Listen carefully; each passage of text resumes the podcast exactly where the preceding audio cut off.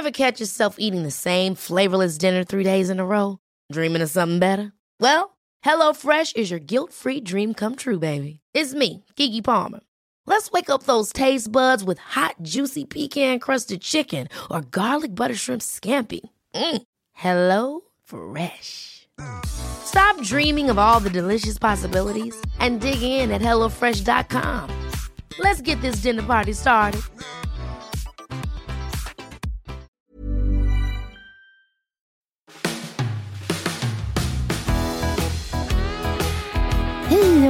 Välkommen till Udda Jämt. En podd om vårt liv som är, precis som det låter, udda jämt.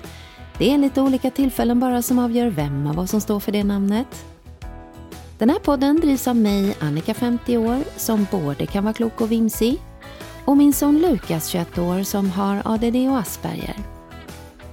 Här delar vi med oss av vårt liv med diagnoser, allt från Lukas tuffa uppväxt och min roll som stöttande mamma till vår vardag som ibland kan innehålla roliga och genanta situationer som utmanar våra roller. Idag kommer det bli ett avsnitt som är något annat än det ni är vana vid. För nu känner jag att vi har delat med oss av oss själva så pass mycket. Så vi nu tycker att det är dags att ge plats åt andra och dela med sig lite av sina udda jämtliv. Så idag har jag bjudit in min vän sedan flera år tillbaka. Vi blev vänner senare i livet, men hon blev snabbt en mycket viktig person i mitt liv. Vi träffades via vänners vänner och vi träffades några gånger innan vi under ett samtal kom fram till att vi båda hade barn inom autismspektrumet. Autismspektrumtillstånd det är ju så otroligt stort. Det kan ju vara till exempel att du har normalbegåvning och är högfungerande och har mer eller mindre autistiska drag ända till väldigt mycket autism ihop med utvecklingsstörning. Svårigheterna man har kan ju också skilja sig mycket. I det här avsnittet så ska vi få lyssna på en stark berättelse om livet som mamma till en flicka med autism i den starkare graden. Maria, som min vän här bredvid mig heter, är en otroligt glad och stark tjej som alltid lyssnar och fattar. Hon är en sån där som kan fylla i ens meningar om hur man känner och tänker innan man ens har hunnit säga dem själv ens. Hon är dessutom en tjej som krigar hårt i livet med mycket känslor och vi har haft oräkneliga stunder som vi har suttit och delat våra tankar, känslor och upplevelser och även många skratt. I dagens avsnitt så ska vi få lära känna Maria och höra hur hennes liv med diagnos är. Så jag vill hälsa dig välkommen Maria och du får gärna börja med att berätta lite om dig själv. Ja, tack så mycket. Jag heter Maria, jag är 49 år. Jag har nyligen flyttat till en trea i Farsta med mina två barn det är Molly som är 17 år och har diagnoserna autism och utvecklingsstörning och hennes lilla syster Mimmi som är 10 år. Jag och Micke, barnens pappa, separerade nyligen och vi har barnen varannan vecka. Det är ganska nytt för oss, så att alla försöker hitta in i de nya rutinerna med att flytta emellan och komma ihåg läxböcker, kläder och allting. Jag jobbar som formgivare på tidningen Allt i hemmet och ska även göra tidningen Mama. Som formgivare sätter jag bland annat ihop text och bild på sidorna. Jag jobbade på Mama när Molly var ett år och var kvar i nästan tio år. Och nu ska jag tillbaka till brottsplatsen. Jag skrattar lite åt det, för jag blir ju lite av en blandning mellan en inventarie och en dinosaurie eftersom jag har gjort mammaresan för så länge sedan och nu kommer vara äldst där. Men klokast och snyggast, Maria. Jag är i alla fall väldigt intresserad av färg och form och inredning och har alltid varit det. Så de här magasinen är väldigt roliga att göra. Jag har alltid dragit mig till det kreativa. Jag är lika djup som jag är ytlig. Jag älskar att grotta ner mig i samtal om livet med mina närmaste vänner. Att gå all in på djupet i livets alla berg och dalar samtidigt som jag i nästa sekund pratar om sista gången jag var hos frisören hon lyfte på folien och sa Very, very, very yellow. Vilket inte är något man vill höra när man sitter med håret inlindat i folie och har bett om att få bli askblond. Nej. Jag älskar när samtalen går högt och lågt. Som när du och jag sitter och babblar på vårt stamställe i Gamla stan och visar den andra den senaste rynkan i pannan för att i nästa andetag få ångest för att vi vet inte hur det ska gå för våra barn i framtiden. Mm. Jag är jätteintresserad av kläder och jag har ett Instakonto som heter Maria Lanner Second Hand. Det är fyllt med det som jag gillar allra mest just nu, att shoppa second hand-kläder. Det har blivit som en ventil för mig i mitt lilla hörn av Insta-universum där jag bara kan koncentrera mig på det som ger mig kraft och energi. Jag blir så himla lycklig av att fynda Och jag är helt fascinerad av vad man kan hitta i vintageaffärer, loppisar och i second hand-butiker. Ja, du står ju där som en sprudlande liten smällkaramell och väntar vid vår mötesplats. Och det är lika spännande varje gång att se din nya outfit. Men mm. hur kommer det sig att du har fastnat så mycket för just second hand? Ja, men genom att shoppa second hand så har jag möjlighet att testa alla möjliga plagg och stilar. Jag kan fiska upp något härligt plagg med puffärmar från 80-talet och testa om jag gillar det. Ofta gör jag ju det. Men gör jag det inte så lämnar jag bara tillbaka det till en second hand-butik och det kan cirkulera vidare. Jag har nog inte köpt ett nytt plagg på säkert två år. Det finns oändliga möjligheter till kreativitet i garderoben. Och här hemma växer jag ur mina garderober som du har sett. Barnen har typ ett par lådor i en byrålåda och jag råkar ha sju garderober fyllda plus sex kartonger nere i källarförrådet med kläder, skor och handväskor. En kvinnas dröm. jag är också väldigt intresserad av inredning. Och när det gäller det så är det också loppis och second hand som gäller för mig. Som nu när jag gick från ett ganska stort och rymligt radhus till en trea med inte så högt i tak. Den är helt inredd med second hand. Jag älskar att det är personligt och eklektiskt. Känns så bra för både mitt intresse och min ekonomi och för miljön. Ja, när jag kom hem till dig första gången, det var så otroligt fascinerande att känna hur man bara drogs in i den här känslan av att bara vilja gå runt och titta på alla dina retro coola grejer mm. som du har hittat. Du är otroligt duktig på det verkligen. Tack, vad gullig du är. Din äldsta dotter Molly, som har autism, hon är ju 17 år nu. Kan du berätta hur det gick till när hon kom till världen? Jag och Micke hade varit tillsammans i ganska många år innan Molly kom. Vi hade rest över hela världen, vi hade pluggat och bott i London och vi hade jobbat och vi hade hunnit gifta oss. Jag minns att jag var så fascinerad av det där lilla livet som växte i mig. Jag kände det när hon låg i magen, att hon redan då var mitt mysterium, en gåta. Vi hade redan hennes namn klart för oss innan hon föddes. Enigma skulle hon heta i andra namn. Jag blev så chockad senare i livet när namnet Enigma dök upp på särskolor med inriktning på autism och hur läkare genom alla år, oberoende av varandra, sagt orden ”Vi har aldrig sett något liknande. Det är en gåta”. Molly föddes tre veckor för tidigt. Jag vaknade som vanligt klockan fem, vilket jag gjorde varje dag under graviditeten, och jag gick på toa och kissade. Den här gången slutade jag inte kissa och jag fattade inte vad det var.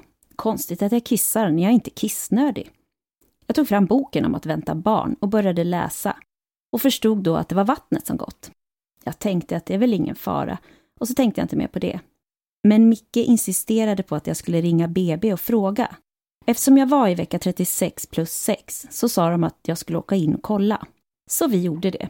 De kollade och sa att jag måste stanna kvar på BB. Och jag svarade att det kan jag inte. Det har jag inte tid med. Och så visade jag dem min fullklottrade kalender. Och de bara skrattade åt mig. Jag jobbade på Damernas Värld vid den här tiden så då ringde jag dit och sa att jag ska nog ha barn snart, så jag kan inte komma in idag. Micke åkte hem och packade BB-väskan. Han köpte en bandspelare som fortfarande finns kvar i vårt förråd. Inte mycket hände under dagen och framåt kvällen tyckte de att vi skulle gå och äta någonting. Så vi gick iväg och åt vegetarisk lasagne. När vi var klara och jag reste mig så forsade vattnet ur mig igen. Splash, sa det bara. Och som i en komedi med Hugh Grant så ville Micke ringa taxi och få oss snabbt tillbaka till BB, medan jag tog det lugnt och sa att vi kan promenera. Jag hade bestämt mig för att ha min yasuragi-morgonrock på mig, och linne och trosor. Hade till och med skrivit det i min önskelista, att jag tar inte av mig någonting i onödan. Vi lyssnade på U2 i vår nya bandspelare medan vi väntade på att det skulle sätta igång. Sen till slut satte det igång. Vid något tillfälle minns jag att barnmorskan sa att nu måste du nog ta av dig trosorna och hon tyckte att jag skulle byta till sjukhusrocken så att jag inte skulle bloda ner min morgonrock. Jag minns mest att jag skrek som en galning och att jag var väldigt noga med att de får inte klippa upp mig. Jag hade alltid haft en skräck för att de skulle sätta en sax i underlivet. Barnmorskan sa flera gånger att vi behöver nog klippa nu. Jag sa bara blankt nej till slut minns jag att hon stod rätt nära mitt ansikte och knäppte med fingrarna framför mina ögon och sa bara Nu måste vi klippa, för barnet måste ut. Då förstod jag att hon måste klippa. Sen frågade hon om jag ville ha barnet på magen när hon kom ut. Nej, sa jag bara. Min kropp var helt chockad över vad den just gått igenom, så den skakade som ett vulkanutbrott och den fortsatte att skaka i 40 minuter efter att Molly kom ut. Medan jag låg där och skakade såg jag i ögonvrån hur det lilla, lilla miniknyttet låg på Mickes arm. Så det var han som fick de första minuterna med Molly. Det var så himla fint. Mm.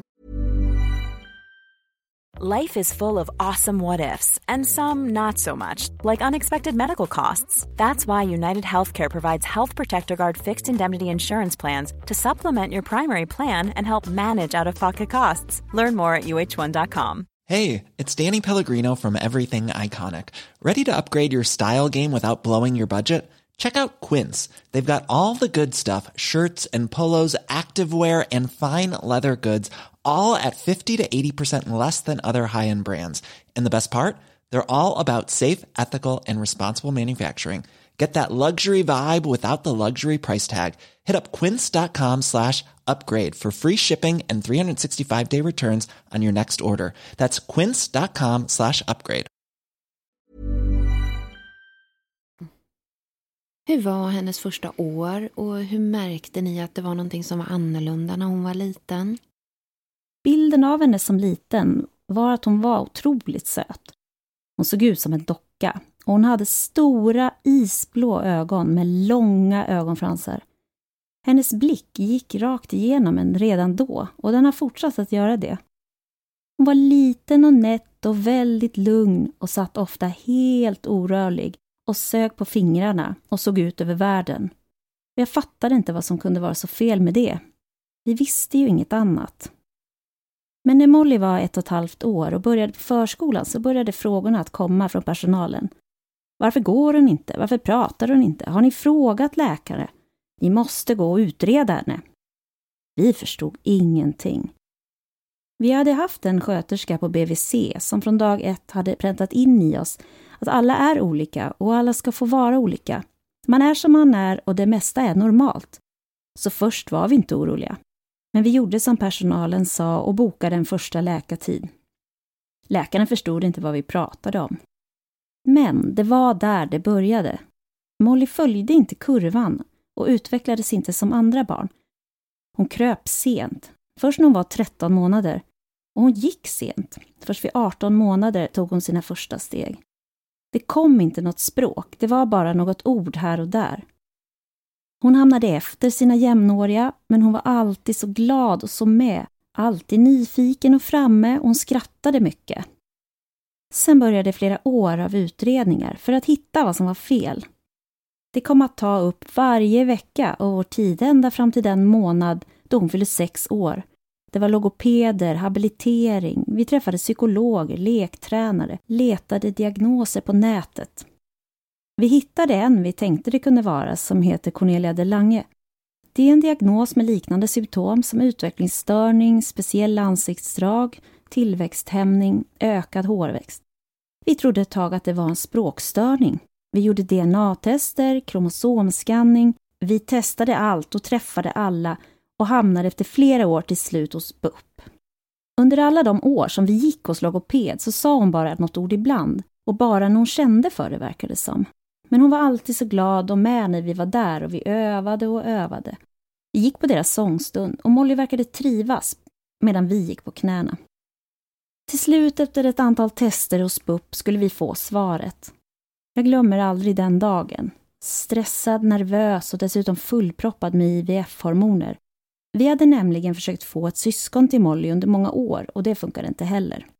I alla fall, med en kaffe från Pressbyrån slank vi in med andan i halsen och tog hissen till våning 11. Både stadsdelsförvaltningen och BUP ligger i samma hus, så i den hissen hade vi stått många gånger. Den här dagen hade jag satt på mig en fasad som inte skulle visa någonting om vad jag kände. Jag skulle vara stark, inte gråta, visa att jag klarar detta, vad det än vi kommer att få höra, så tänkte jag vara oberörd. Jag log och småpratade om vädret och om att vi var sena, det var vi alltid. Ja, det var ju så mycket på jobbet, sa vi. Så sitter man där och väntar på domen. Och så kom den. Så förklaras det och förklaras det, de visar på kurvor och diagram. De berättar snabbt vilka bidrag vi kan söka och ger oss blanketterna. Som om de vore pappersnäsdukar som plåster på såren. Alla skruvar på sig och jag frågar om saker som jag tror att de vill att jag ska fråga om. Jag visar mig intresserad, låtsas ta in det som de säger till mig. Jag tyckte att rummet krympte medan vi satt där. Eller var det min värld som krympte? Där och då. Hur känns det? frågar de och jag svarade Jag har ju bara varit mamma till ett barn med autism och utvecklingsstörning i 30 minuter så jag vet inte ännu hur jag känner och hur jag ska hantera dessa nya okända. Fast Molly var ju Molly, hon förändrades ju inte. Det var bara allting runt omkring som ändrades. Innan mig rasade och allt blev svart. Vi tackade för all info och tog hissen ner igen. Som så många gånger förr. Men nu var allt annorlunda. Ljuset var starkt. Det kändes kvavt ute. Solen tittade fram bakom något moln. Det var lunchtid och centrum var fullt med folk. Vi borde väl äta något. Vi satte oss på ett lunchställe och åt. Vi såg läkaren gå förbi. Han ska väl också på lunch, han som satt där inne i det stora rummet som plötsligt hade krympt. Vad gör vi nu? Vi gjorde ingenting. Vi åt snabbt upp maten och åkte tillbaka till våra jobb. Alla frågade hur det hade gått och då rann tårarna där bakom skärmen. Än idag fattar jag inte att jag inte tog ledigt resten av dagen. Läkarbesöken fortsatte. Varje vecka rusade någon av oss med andan i halsen till tunnelbanan som skulle ta oss dit vi ska träffa någon och prata hjälpmedel och diagnos. Det var dietisten om maten, magläkaren om magsäcken, det var kuratorn på BUP om melatoninet, det var läkaren om viktkurvan, det var arbetsterapeuten om täcket, det var tandsköterskan på specialtandvården och lärarna i skolan och taxisamordnare för skolskjutsen. Hur ser du tillbaka på den här tiden? Jag gjorde allt för att hålla mig över ytan. Jag förstår knappt idag hur jag höll ihop. Varje steg var ett steg i motvind. När jag ser tillbaka på de här åren kändes det som att vi var mitt i tornadons öga och just där kanske det inte blåser så mycket, men man ser inte ut. Jag var som bedövad, antagligen för att klara mig igenom allting.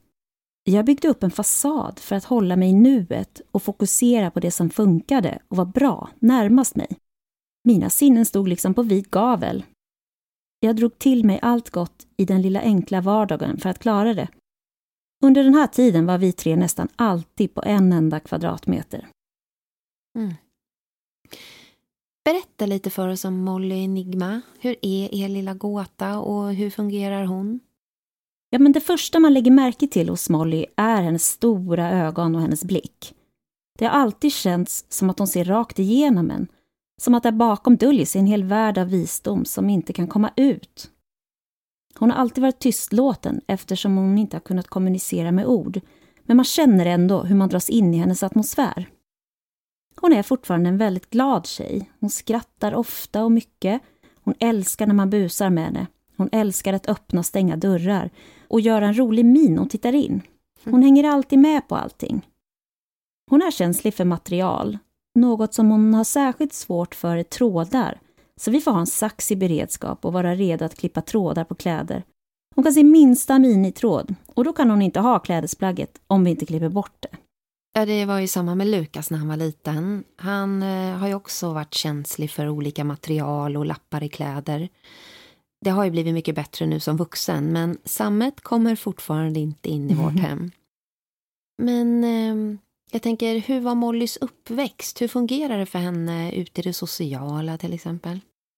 Under förskoletiden kändes det ändå som att hon hängde med och var lite som alla andra barn förutom att språket inte kom. Man såg inte så stor skillnad. Efter beskedet om diagnosen sökte vi snabbt reda på en särskola där Molly kunde börja, för nu var alla tankar på en vanlig skolgång i en vanlig skola bortblåsta. Vi hittade en jättefin särskola i Bandhagen. Det var helt fantastiskt att se hur hon togs om hand där. Hon och en annan tjej som heter Molly började i samma klass. De blev Molly L och Molly B. Och även om de inte direkt kunde varken leka eller prata så kommunicerade de med varann och blev varandras tryggheter. Vi hade sån tur sen att nästa gång vi skulle välja skola, när det var dags för högstadiet, så hittade vi även denna gång en helt fantastisk plats för henne, Skarpnäcksskolan. Även där var personalen helt otroligt fina. Molly B och Molly L fortsatte att gå tillsammans ända fram tills de slutade nian. Nu går Molly tvåan på gymnasiet i Tyresö och även denna skola är helt fantastisk för henne. Hon trivs jättebra. Ju äldre hon blev, desto större blev skillnaden mellan henne och andra barn. Vi klev längre och längre åt sidan, bort från det vanliga livet. Jag drog mig lite för att träffa folk med barn i Mollys ålder, för det gjorde så ont att se hur stor skillnaden var. Det var när jag jämförde mig med andra som jag tyckte att det var jobbigast och sorgligast. Under Mollys uppväxt har vi rest mycket med henne. Av någon anledning har hon alltid fungerat mycket bättre på resande fot, vilket är ganska annorlunda mot hur man brukar vara när man har autism. Hon har alltid hjälpt till att packa väskan och ta fram passen. Hon går först av oss när vi är på Arlanda och visar vägen. Jag är så otroligt glad att vi fortsatte med det. På plats på olika ställen däremot krävdes det mycket anpassning. Till exempel så låste det sig ofta för henne när hon skulle gå på toaletten. När vi gick på restaurang brukade vi filma vägen in i restaurangen fram till bordet och sen fram till toaletten. För då kunde hon titta på filmen på telefonen vilket gjorde att hennes låsning släppte och hon kunde då komma med oss in. Jag minns en gång på väg till en strand. Vi parkerade bilen och det låste sig fullständigt för Molly. Hur blir en låsning för Molly? Hur reagerar hon då? Låsningarna kan vara att hon kan bara inte gå in genom en dörr. Hon står bara helt still och hon gör det bara inte. Idag kan en låsning innebära att vi till exempel frågar om hon vill följa med till affären. Då säger hon först nej och sen när frågan har sjunkit in, då kommer hon på att hon vill följa med och så blir hon så ledsen och säger jo, jo, jo. Fast då har man kanske redan åkt. Hon behöver förberedas på vad vi ska göra så hon hinner tänka igenom det. Då brukar det alltid gå bra. Men ibland hinner vi liksom inte förbereda varenda aktivitet och då blir det helt galet. Jag kan ibland bli så frustrerad på att inte få något svar så jag börjar fråga frågor. Ska du med? Ska du inte med? Då blir det kortslutning och hon blir bara ledsen och kan inte sortera alla frågor. Vid det här tillfället på stranden så tog det oss en och en halv timme att komma ner till stranden efter låsningar och toalettbesök som inte funkade. Det var som att hon fick en panikångestattack som kom från ingenstans. Då var det bara att lirka och lirka. Till slut gick det. Men hon är väldigt nyfiken och vill hänga på, även om det är invecklat och det krävs mycket anpassning och förberedelser. Mm. Hur klarar sig Molly idag? Hon behöver hjälp med alla vardagsmoment under en dag. Om hon någon gång inte behöver hjälp så behöver hon ändå påminnas. Säger jag inte vad hon ska göra så gör hon det inte. Jag tar fram hennes kläder, hjälper henne att klä på sig, jag hjälper henne på toaletten, jag torkar och duschar henne och sköter hennes hygien. Jag visar och förbereder allting vi ska göra.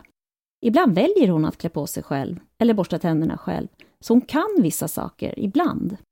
När det gäller sömnen har det varit tufft. Hon kan inte somna själv.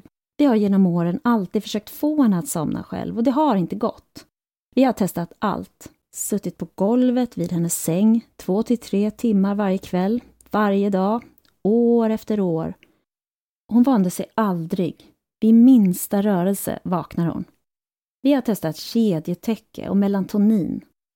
För något år sedan gav vi upp och efter det gjorde vi så att vi alla går och lägger oss samtidigt vid halv nio-tiden. Hon och jag eller hon och Micke i samma säng. Nu hemma hos mig har hon lyckats somna själv i en egen säng och jag ligger i en annan säng bredvid. Täcket måste vara helt spikrakt och stoppas in under madrasskanten och det viker jag in säkert 15 gånger per natt. Men jag är så glad att vi inte behöver sova under samma täcke just nu, för det blir rätt trångt. Och det blir inte mycket sömn. Jag brukar säga att hon kan bli chef när hon blir stor, för hon pekar med hela handen när hon vill ha något gjort. Hon ger sig inte först det är gjort.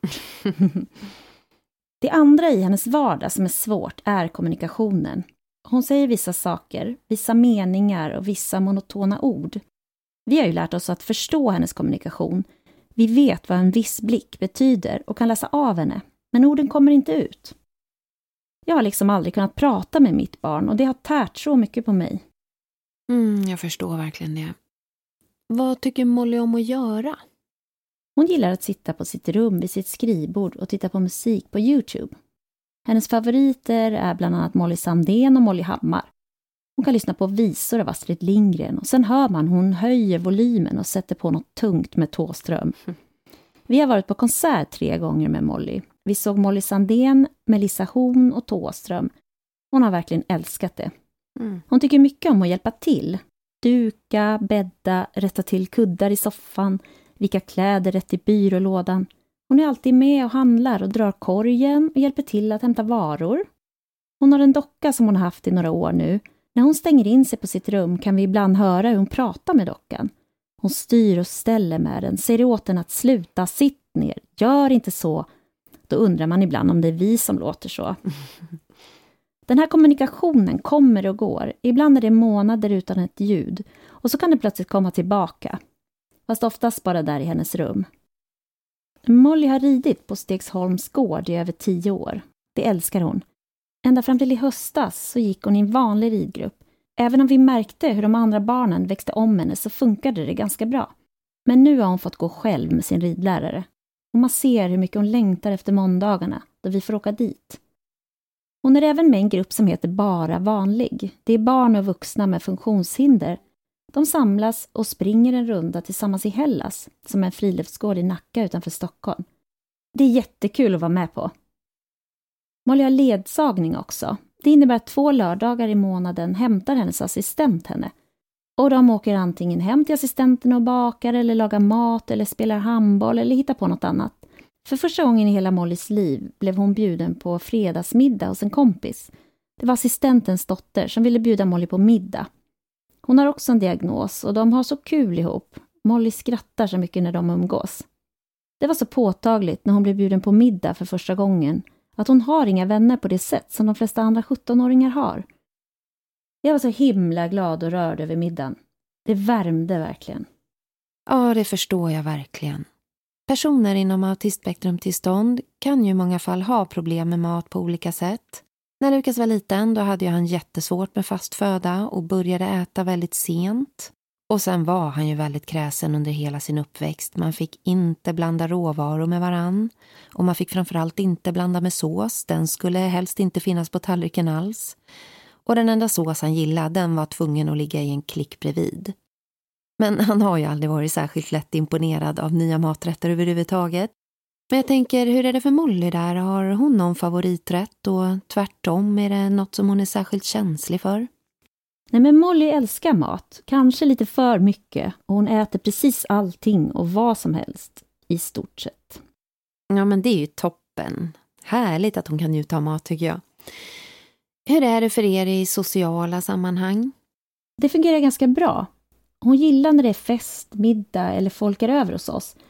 Är vi bortbjudna säger hon först ganska snabbt att hon vill åka hem. Men sen sitter hon ändå kvar med oss vid bordet och verkar trivas. Vi var alltid med på allting under hela hennes uppväxt. Det funkade alltid om vi anpassade oss till det Molly behövde. Och det gjorde vi såklart. Vi har fortsatt att göra saker och vara med på det mesta för att Molly ska få uppleva saker. Sen tänker jag också att det är bra att andra får lära känna henne. För min egen del så försökte jag nog visa upp en stark fasad. Men sen har jag ändå brutit ihop och börjat gråta, särskilt bland vänner som känner oss och som jag känner att jag kan bryta ihop inför. Det har nog varit en ventil för mig. Det är svårt att se hur andra barn växer upp, att de kan prata. Jag kan liksom inte prata med mitt barn. Jag måste gissa hela tiden och skanna av allting för att kolla vad Molly behöver. Mm. Ja, jag förstår det. Det har verkligen varit en tuff tid för er och mycket känslor. Och man tappar ju mycket av det här som egentligen ska kännas glädjande och energigivande som förälder när det blir så mycket känslomässigt jobbigt. Det är ju så mycket som inte blir som man har tänkt sig och man lever ju så mycket en roll och bara har fokus på att lösa och klara av saker som man annars inte ens behöver tänka på. Men sen börjar ni längta efter ett barn till.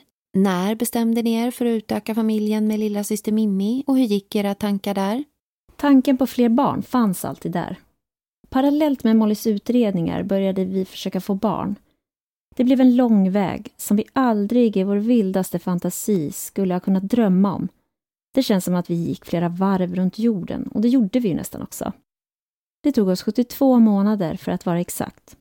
Vi gick nästan alla vägar som går att gå. Det var IVF, spermadonation, äggdonation. Vi fick missfall och utomkvedshavandeskap.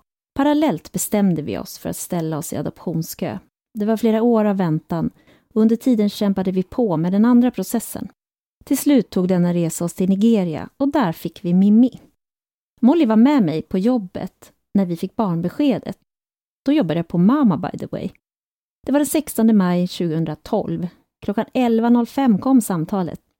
Jag hade precis lagt på luren efter att ha rådgjort med en läkare angående vidare försök i Estland där vi tänkte försöka med embryodonation. Då hände det. Jag minns hur jag tyckte det dånade på himlen när mina livs kugghjul äntligen hade fastnat i varann och allt hamnade på rätt plats. Mm, vilken känsla det måste ha varit. Mm. Berätta lite om Mimmi. Hur gammal var hon när ni fick henne och hur är Mimmi som person? Mimmi var ett år när vi kom till Lagos och träffade henne för första gången. Det klickade som när jag födde Molly. Den sekund jag såg henne fanns ingenting annat runt mig. Hon satt på en säng under ett stort fönster och solen flödade in över henne. Det var en totalt omtumlande resa att komma till Nigeria. Det var för mig både en kulturkrock och en tvåbarnschock i ett. Men det var magiskt. Mm. Mimmi är tio år nu. Hon är en virvelvind, en storm av energi och kreativitet. Hon är så omtänksam, omhändertagande, nyfiken och en riktig fighter. Hon är snabbast på fotbollsplanen och i allt hon tar sig an. Hon ger sig inte och hon kan ihärdigt hålla på i timmar med något hon bestämt sig för att klara av. Hon är helt övertygad om att hon egentligen kan precis allting innan hon ens provat. Så ibland blir det lite kollisionskurs när hon slänger sig ut. Har Mimmi märkt att det har varit något annorlunda med sin syster? Och när kom i så fall de tankarna och frågorna från henne? Och hur är kontakten och kommunikationen mellan Molly och Mimmi? Mimmi tar så otroligt fint hand om Molly. Hon tar sig an henne med sån kärlek och sån tålamod. Molly är som allra gladast när Mimmi leker och busar med henne eller hjälper henne. Mimmi peppar henne till att springa, hoppa, dansa, leka, ropa, skrika. Hon leker skola med henne, hjälper henne med kläderna, kramar och pussar henne. Att vara syster till Molly har verkligen gjort henne så fin och ödmjuk, även om jag tror att hon var det redan innan också. Hon är verkligen en person som tar hand om andra. Mimmi brukar säga till mig, till exempel när jag tappar och inte orkar sätta på en strumpa till på Molly. Då brukar hon säga, ta det lugnt, sluta skrika. Det är inte Mollys fel att hon inte kan ta på sig en strumpa. Ja. Mimmi har alltid bara följt Molly och det känns som att det varit så naturligt för henne. Hon växte med uppgiften. Hon gör verkligen underverk med Molly. Hon sa en gång för länge sedan en sån väldigt klok och tänkvärd mening. Man kan faktiskt bara vara den man blir. Alltså den meningen, den är så stark och fin. Och så kommer den från en sån liten tjej. Ja, det är otroligt. Hur tänker du om framtiden för Molly? Känner du någon oro och har du några tankar om hur du tror att det kan bli? Det är ju snart 18 år sedan hon föddes och jag håller henne fortfarande i handen. Och det kommer jag alltid att göra, fast jag inte får det längre. Och det känns som jag alltid kommer vara hennes röst. Framtiden skrämmer mig faktiskt väldigt mycket. Det har den alltid gjort. Den kommer ikapp hur jag än försökt springa ifrån den. Hon förändras inte, men jag har förändrats under de här åren. Det har varit tungt för mig och är fortfarande. Just det här med framtiden har jag många gånger fastnat i. Jag kan fortfarande sörja någon som finns och något som inte blev. Jag har till exempel haft svårt för hennes födelsedagar. Det är dubbelt på något vis. Jag älskar att fira och ha fest, ha kalas och fixa, men den påminnelsen väcker också något i mig för varje år, som jag alltid försökt att låta bli att tänka på. Framtiden och ännu ett år. Jag önskade henne så mycket, att hon skulle stå på egna ben, uttrycka sin åsikt, ta för sig. Inget av det hände. Nu vet jag att jag måste vara hennes röst, att jag måste stå upp för henne och jag måste alltid gissa mig till hennes åsikt och vad hon vill. Jag vet inte hur det kommer bli. Det som gör mig mest rädd är tanken på vad som händer när vi inte finns mer. Det törs jag inte ens tänka på. Jag har en ganska tung framtidsbild, men jag vet att jag kan ta reda på mer om vad hon kan göra och då kanske det ljusnar lite. Men jag lever mycket i nuet för att slippa tänka. Ja, jag förstår verkligen det. För oavsett att våra barn har olika grad av autism så har vi ju gemensamt att vi fått kämpa mycket i deras uppväxt för att tillgodose deras behov både i samhället och deras vardag. Och sen alla våra känslor som vi måste bära och hantera. Mm. Det vi också har gemensamt det är ju att det är en stor sorg och ångest när den man älskar mest av allt i hela världen har det jobbigt på något sätt och det gör ju så otroligt ont. Ja, verkligen. Nu har ju du och Micke tyvärr precis gått igenom en skilsmässa och det blir en stor omställning för alla men inte minst när man har blivit ett team runt sitt barn med svårigheter. Hur hamnade ni där och hur har det gått för er? Och har du börjat hitta egna rutiner i livet som ensamstående mamma? Jag tror att det här förändrade mig med tiden och det gjorde nog att jag och Micke började glida isär lite. Eller att jag tog en annan väg eftersom vi hanterade det på så olika sätt.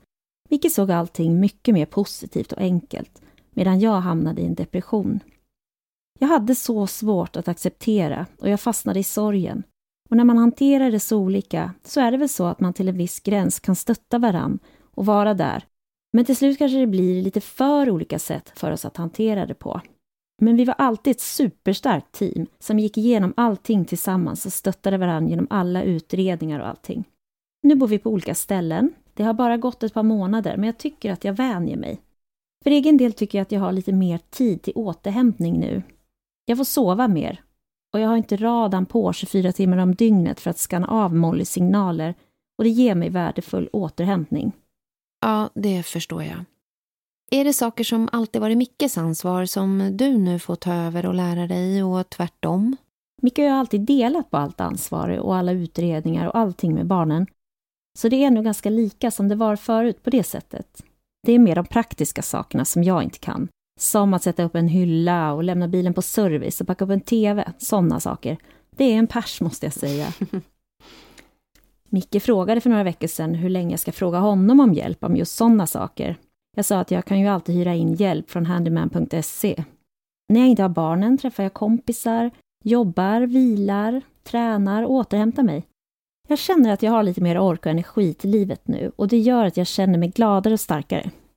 Skilsmässa är ju något som är jobbigt för alla, men hur tog just era barn beskedet om att ni skulle skilja er och var det extra svårt för Molly? Molly har tagit det bra tycker jag. Trodde det skulle bli mycket mer låsningar och vakna nätter. Men Mimmi och Molly har skrattat mycket mer ihop tycker jag och de tyr sig mer till varann och busar och leker mer. Mimmi har uttryckt oro över hur det ska bli på julen.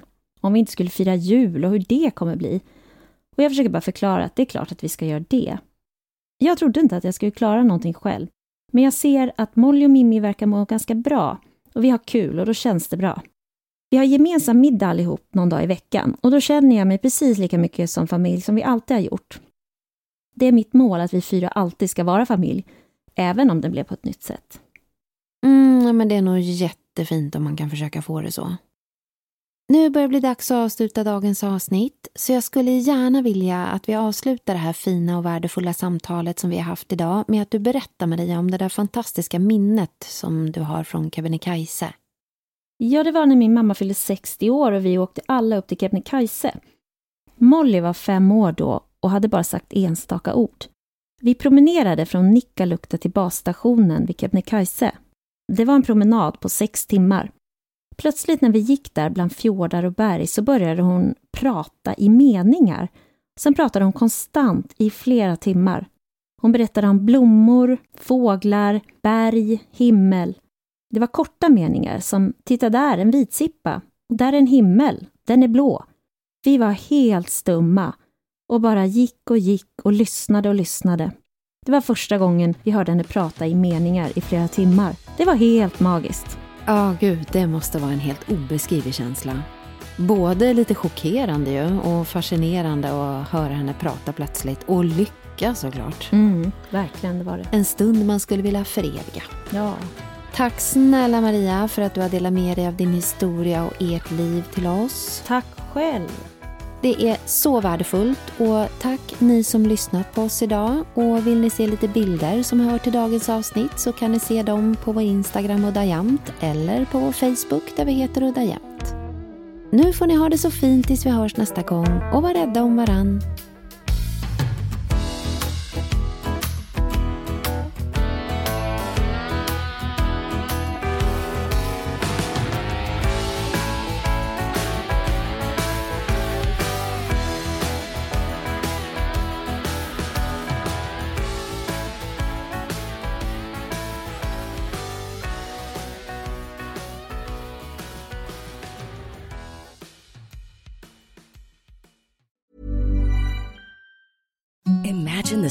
Softest sheets you've ever felt. Now imagine them getting even softer over time. That's what you'll feel with Bowl and Branch's organic cotton sheets. In a recent customer survey, 96% replied that Bowl and Branch sheets get softer with every wash. Start getting your best night's sleep in these sheets that get softer and softer for years to come. Try their sheets with a 30-night guarantee. Plus, get 15% off your first order at bowlandbranch.com. Code BUTTERY. Exclusions apply. See site for details.